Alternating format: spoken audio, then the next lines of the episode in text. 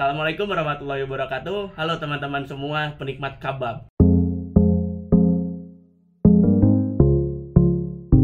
Wih, kita semua pasti tahu apa itu kabab kan? Sebelum itu kenalin nama gua Saleh di sini. Gua nggak sendirian untuk menikmati kabab siang hari ini.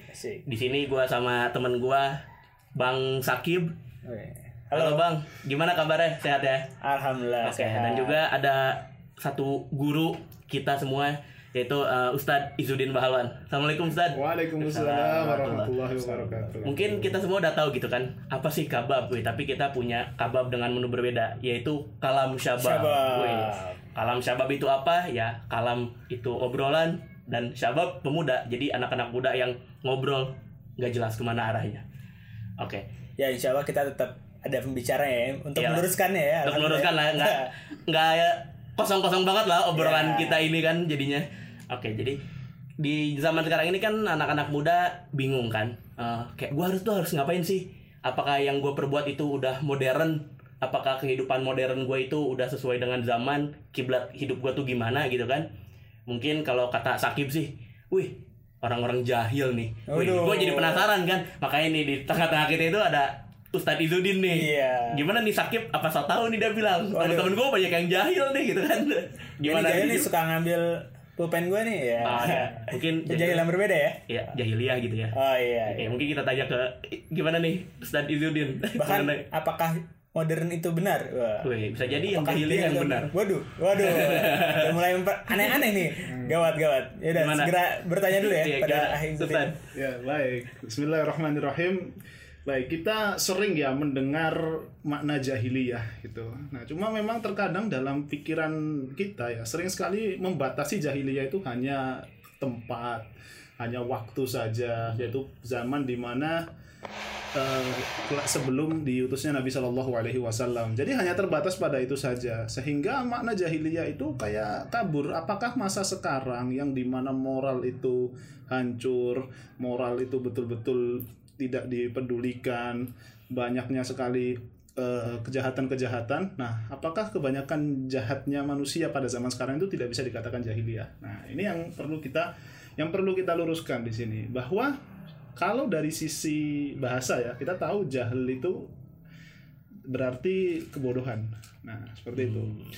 Itu memang artinya kebodohan. Nah kebodohan ini ranahnya ini banyak sekali. Nggak hanya terbatas kepada orang yang tidak mampu menjawab pertanyaan. Itu tidak seperti itu. Bisa jadi orang tidak mampu menjawab pertanyaan itu tidak bisa dikatakan bodoh karena misal kita lihat nih para ulama-ulama dulu apakah semua pertanyaan yang diajukan kepada mereka bisa dijawab enggak juga gitu loh tapi apakah mereka itu bodoh tidak mereka itu orang yang sangat cerdas gitu maka makna apa sih sebetulnya jahiliyah itu nah sekarang cobalah kita kawan-kawan sekalian semua ini coba dibuka eh, Al-Qur'annya Waduh. nah Siap, dibuka Al-Qur'annya nih Jadi, Nah, mau Quran gak Kim?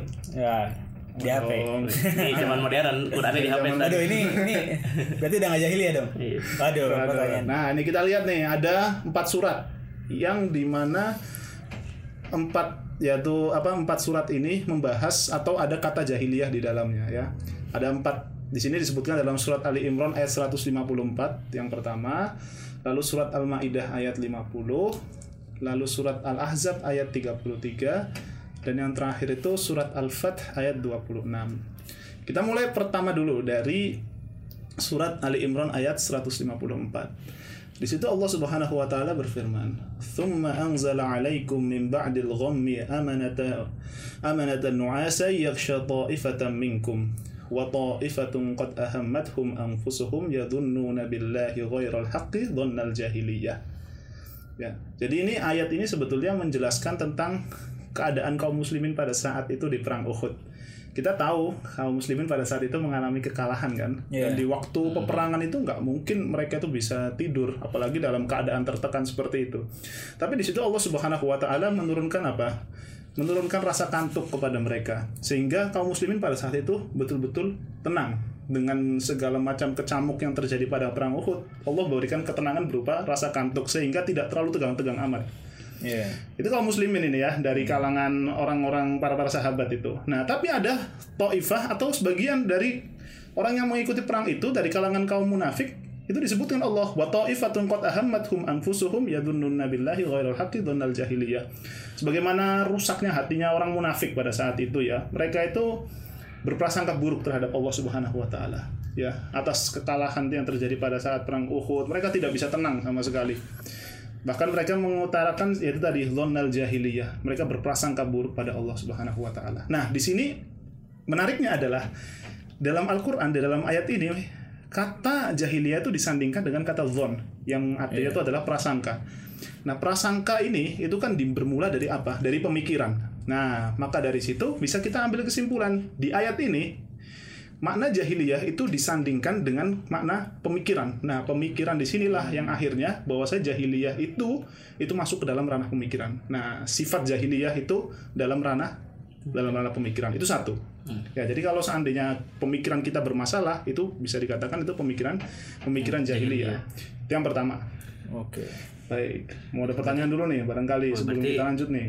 berarti pemikiran-pemikiran yang jadi zaman sekarang pun walaupun udah modern nih katanya kayak kita buka HP ya? buka Quran aja pakai HP nih Asik. kita udah nggak pakai kertas lagi kan mushaf kita di HP. Nah berarti pem- pemikiran-pemikiran tadi itu juga ada yang jahiliyah gitu orang-orang gitu. Iya, Di, walaupun di zaman sekarang yang udah modern gitu berarti ya. Betul, betul. Jadi bagaimana cara memandang nikmat Allah Subhanahu wa taala dengan cara pandang yang keliru? Semisal manusia diberikan harta oleh Allah Subhanahu wa taala, diberikan rezeki yang banyak. Tapi cara pandang dia terhadap hartanya ini bermasalah. Hartanya tidak mau dikeluarkan untuk hal-hal kebaikan. Misal dia berlaku pelit, tidak mau tidak mau berbagi lah. Jadi kan dia sudah salah cara pandang dia terhadap rezeki Allah Subhanahu wa taala. Nah, inilah cara pandang kayak gini adalah cara pandang cara pandang jahiliyah gitu. Baik. Kita lanjut dulu ya. Siap, Oke, siap. di surat Al-Maidah ayat 50. Ya, Allah Subhanahu wa taala berfirman, "Afa hukmal jahiliyyati yabghun wa man ahsanu minallahi hukman liqaumi yuqinun." Ya, apakah hukum jahiliyah yang yang mereka itu kehendaki? Coba kita lihat di sini ya. Kata jahiliyah disandingkan dengan kata hukum. Makna makna yang terkandung di sini adalah bahwa jahiliyah itu bisa masuk dalam ranah politik. Nah, Hmm. masuk dalam ranah politik penetapan hukum. Kalau seandainya misal kita dapati eh, ada pemimpin-pemimpin negara yang memberikan atau menetapkan satu keputusan yang salah ya atau keputusan yang tidak adil ya yang justru menyengsarakan rakyat, maka ini bisa dikatakan sebagai apa? politikan atau hukum hukum jahiliyah. Nah, jahiliyah bisa berarti masuk ke dalam ranah ke dalam ranah politik. Karena ini menariknya apa coba? Menariknya kenapa kok Allah Subhanahu wa taala menyandingkan makna jahiliyah untuk membahas permasalahan politik? Karena memang dalam sejarahnya urusan perpolitikan ini banyak sekali dialami ketidakadilan. Nah, gitu. Berarti kalau misalkan ada satu hukum di negeri Wakanda gitu lah, Waduh. keadilan tidak ditegakkan berarti itu pemerintahan negeri Wakanda itu jahiliyah. Nah, betul. Wakanda forever. Iya, Wakanda forever. agak Walaupun misalnya Wakanda itu ternyata canggih gitu ya, udah ya, walaupun dia gedung-gedung hebat gitu ya. Tapi Terus bisa bisa pindah tempat gitu ya dia Wakanda ya. Betul. Kalau ternyata dia menerapkan hukum-hukum yang jahil, berarti bisa dianggap jahil ya. Jahiliyah juga itu. Walaupun teknologinya udah bisa kesehatan bisa, uh canggih banget Wakanda tuh. Betul, betul. Nah itu, itu makanya ini menjadi penting ya. Kenapa kok justru permasalahan eh, politik ini dinisbatkan ada makna jahiliyah yang disebutkan oleh Allah Subhanahu Wa Taala. Pasti Allah nggak sembarangan ketika menyebutkan ini. Gitu. Baik. Itu yang kedua ya. Lalu yang ketiga dalam surat Al-Ahzab ayat 33. A'udzubillahi minasyaitonirrajim. Wa qarna fi buyutikun wa la tabarrujna tabarrujal jahiliyatil ula ya. Ini kan ayat menggambarkan atau menjelaskan tentang bagaimana para istri-istri Nabi itu diperintahkan untuk menetap di rumah-rumahnya. Artinya tidak sembarangan untuk keluar gitu. Tapi memang eh, objeknya atau yang diperintah itu tidak hanya pada istri-istri Nabi saja, tapi untuk seluruh kaum muslimat ya. Tempat mereka itu adalah di di, di rumah. Nah, di sini Allah menyebutkan ya tempat-tempat dan menetaplah kalian di rumah-rumah kalian. Wala tabarrujna tabarrujal jahiliyatil ula dan janganlah kalian itu wanita-wanita itu berhias sebagaimana orang-orang jahiliyah itu berhias. Ya, artinya kita itu ya untuk bagi karangan akhwat ya, bagi karangan wanita itu supaya tidak ya tadi supaya tidak berlebihan ya, tidak tabarruj, berlebih-lebihan dalam berhias Nah, dari sini kita lihat ya, kalau kita pahami bahwa makna tabarruj itu yang berarti berhias, maka kaitannya ini adalah kaitan dengan gaya hidup. Nah, gaya hidup jahiliyah. Nah, bagaimana misal kita lihat gaya hidup jahiliyah? Sekarang kita lihat nih, misal di di, di era Covid seperti ini. Iya. Kita lihat bahwa orang ekonomi manusia sekarang betul-betul sedang anjlok sekali. Tapi coba kita lihatlah beberapa orang yang justru memamerkan kekayaannya gitu kan. Mereka tidak sadar kalau masyarakat kita ini banyak sekali yang ekonominya rendah. Nah, kalau melihat yang seperti itu bagaimana coba?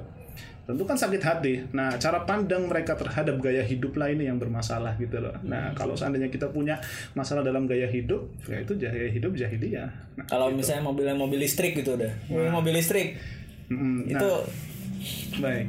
Sebetulnya gini aja, kalau kita melihat eh, gaya hidup ya, melihat gaya hidup ini kita lihat dari kebutuhan sebetulnya. Islam itu hanya menganjurkan atau memberikan pandangan bahwasanya ketika engkau ingin mendapatkan kekayaan, nah bagaimana cara pandang Anda terhadap kekayaan dan kebutuhan Anda terhadap kekayaan tersebut. Ya, karena memang masing-masing orang berbeda-beda gitu kan. Ada orang kaya yang menggunakan pakaian-pakaian yang eh, mahal, tapi mereka memiliki alasan mengapa saya harus menggunakan pakaian mahal. Agar apa? Agar pada saat saya bertemu dengan klien saya, saya klien saya itu percaya bahwa saya bisnis saya itu berhasil. Nah, kayak gitu. Iya. Jadi tidak serta-merta menggunakan pakaian-pakaian yang mahal itu lantas menjadi orang yang yang di ya, tabarruj atau betul-betul dihina lah, terhina lah, tidak seperti itu, tidak. Tapi dilihat dari sisi kebutuhannya. Nah, kayak gitu. Jadi sebetulnya zuhud itu bukan hal yang tertampak saja gitu lah ya. Zuhud itu memang betul-betul dari hati dan kebutuhannya. Nah gitu. Jadi gaya hidup, bagaimana cara pandang kita terhadap gaya hidup, nah itulah yang menentukan yang menentukan sikap kita. Jadi jangan sampai gaya hidup kita apa? Gaya hidup kita jahiliyah. Nah, seperti itu.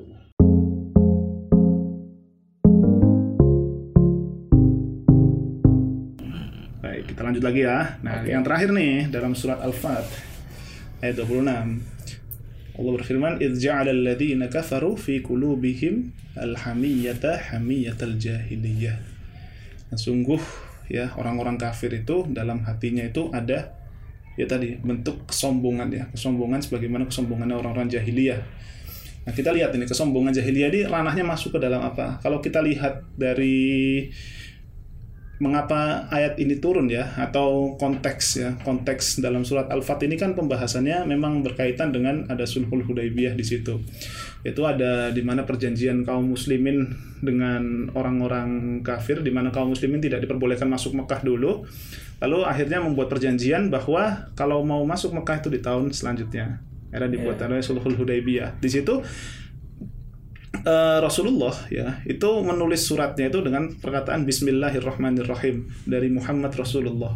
Nah orang-orang kafir tidak mau suruh dicoret Bismillahirrahmanirrahimnya karena kita tidak beriman maksudnya. Ya orang-orang kafir tidak beriman pada Allah. Bagaimana mungkin menggunakan surat yang ada Bismillahirrahmanirrahimnya? Iya. Dan Rasulullahnya juga dicoret. Kenapa? Lah kita tuh tidak beriman dengan keras kerasulan Anda. Nah, seperti itu. Ini ada bentuk kesombongan mereka gitulah terhadap itu, terhadap Rasulullah dan terhadap kaum muslimin pada saat itu. Nah, kalau kita lihat dari sisi kesombongan mereka terhadap masyarakat ya, orang-orang muslim pada saat ini ini berkaitan dengan apa? Dengan hubungan sosial. Nah, coba kita lihatlah sosial mereka itu fakhr ya, mereka meninggi. Mereka merasa bahwasanya Rasulullah itu adalah di bawah mereka. Mereka menganggap kaum muslimin itu bukan kaum yang bukan kaum yang mulia.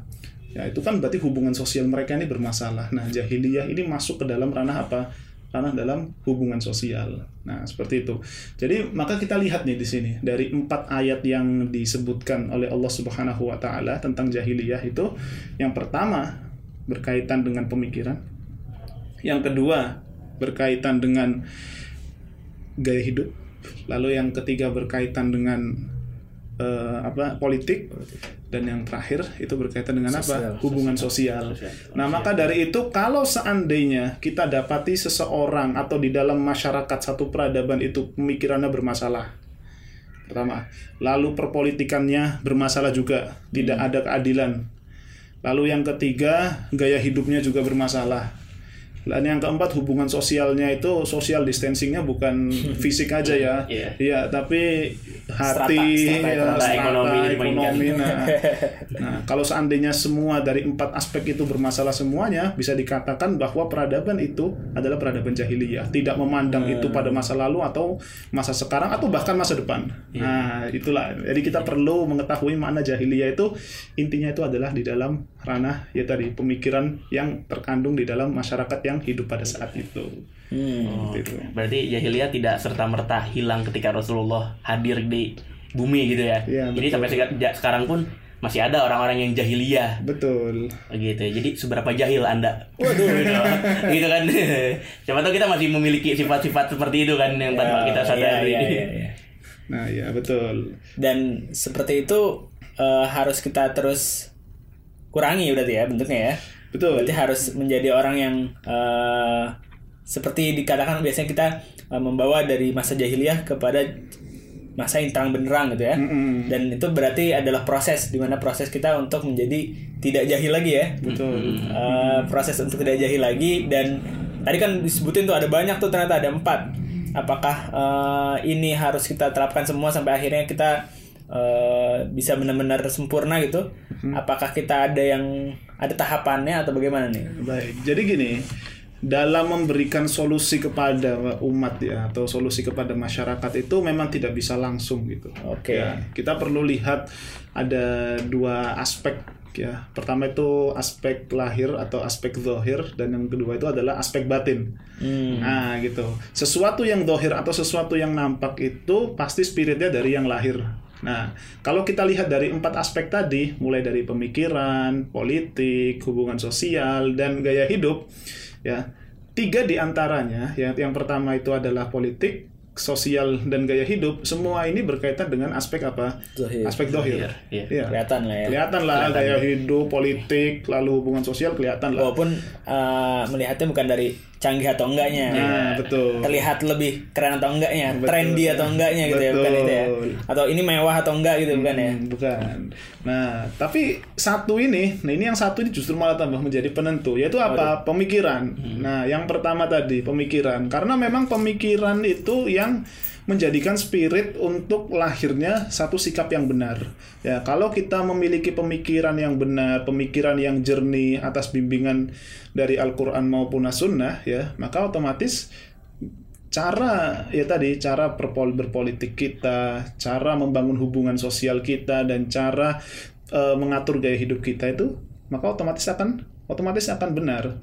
Nah, karena memang cobalah kita perhatikan. Kita perhatikan ya di sini nih. Perpol politik lalu hubungan sosial dan yang ketiga itu adalah gaya hidup. Ini kan sebetulnya itu kan aspek yang kita kena itu aspeknya itu adalah eh, tentang hal yang tidak bisa kita kendalikan. Oh iya. Ya, politik apakah bisa kita kendalikan? Nah, susah kita kendalikan, itu kan karena Toh di lingkup terkecil paling kan Betul. ya. Jangan buat peraturan-peraturan aneh ya di organisasi ya, pemuda Iya. irsyad ya. betul, betul. Nah, kayak gitu perpolitikan.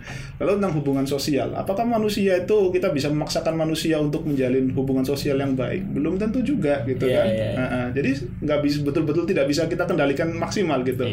Mengenai gaya hidup, oke kita mungkin bisa mengatur gaya hidup kita, tetapi permasalahannya adalah apakah semua barang-barang ya atau ya sesuatu yang bisa yang menunjang gaya hidup kita itu Iya. bisa terbeli semua tidak tidak bisa Iya kan, tidak semuanya. Kita menginginkan barang yang bagus nih. Kita menginginkan barang yang bagus. Apakah serta merta kita senantiasa bisa membelinya langsung? Belum tentu. Kadang kita butuh nabung dulu. Iya. Jadi tiga hal ini itu hal-hal yang tidak bisa kita kendalikan secara mutlak.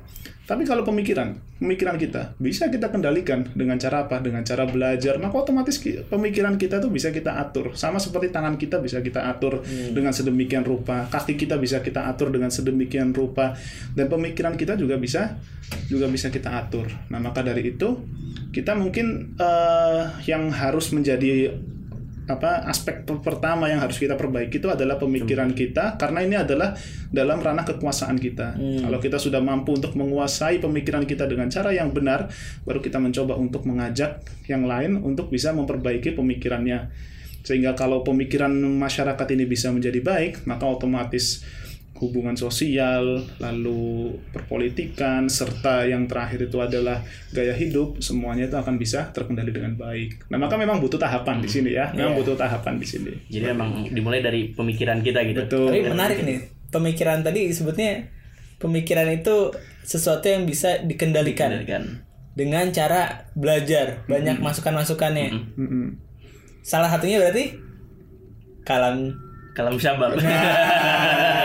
ini. Iya. Jadi berarti ini adalah satu cara kita Mm-mm. untuk memperbaiki pemikiran kita dengan inputan-inputan yang insya Allah bukan jahiliyah. Betul, ini adalah nutrisi lah Nutrisi, ya. Nutrisi, iya. nutrisi bagi para syabab lah.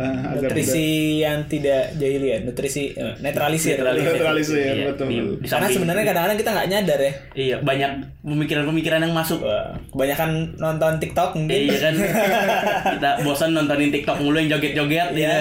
Akhirnya masuk-masuk yang aneh-aneh pemikiran-pemikirannya atau kebanyakan lihat post IG story Iya. Hmm. dan semacamnya yang ternyata tidak sengaja pemikiran kita berubah gitu. Jadi akhirnya harus dikendalikannya seperti itu ya, bukan mengendalikan dengan cara nggak mikir ah. gitu. Iya. Bukan begitu ya, bukan gitu, tapi dengan cara menambah masukan asupan-asupan kita. Betul. Benar ya. Kalau pemikiran kita nggak jahiliyah atau pemikiran kita lurus lah, insya Allah akhirnya output dari diri kita sendiri pun akan jadi ya baik gitu.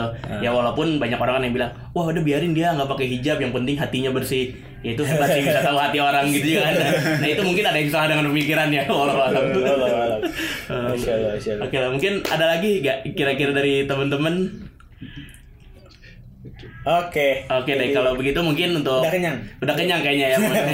Malah Mau ini- minum, mau minum. Mau minum dulu kita. Oke. Mungkin untuk sesi kali ini kita cukup sampai di sini. Kita akan ketemu lagi di sesi selanjutnya tetap di Kabab. Kalam Syabab bersama Pemuda Alirsad. Terima kasih untuk teman-teman semua. Assalamualaikum warahmatullahi wabarakatuh. Waalaikumsalam warahmatullahi wabarakatuh.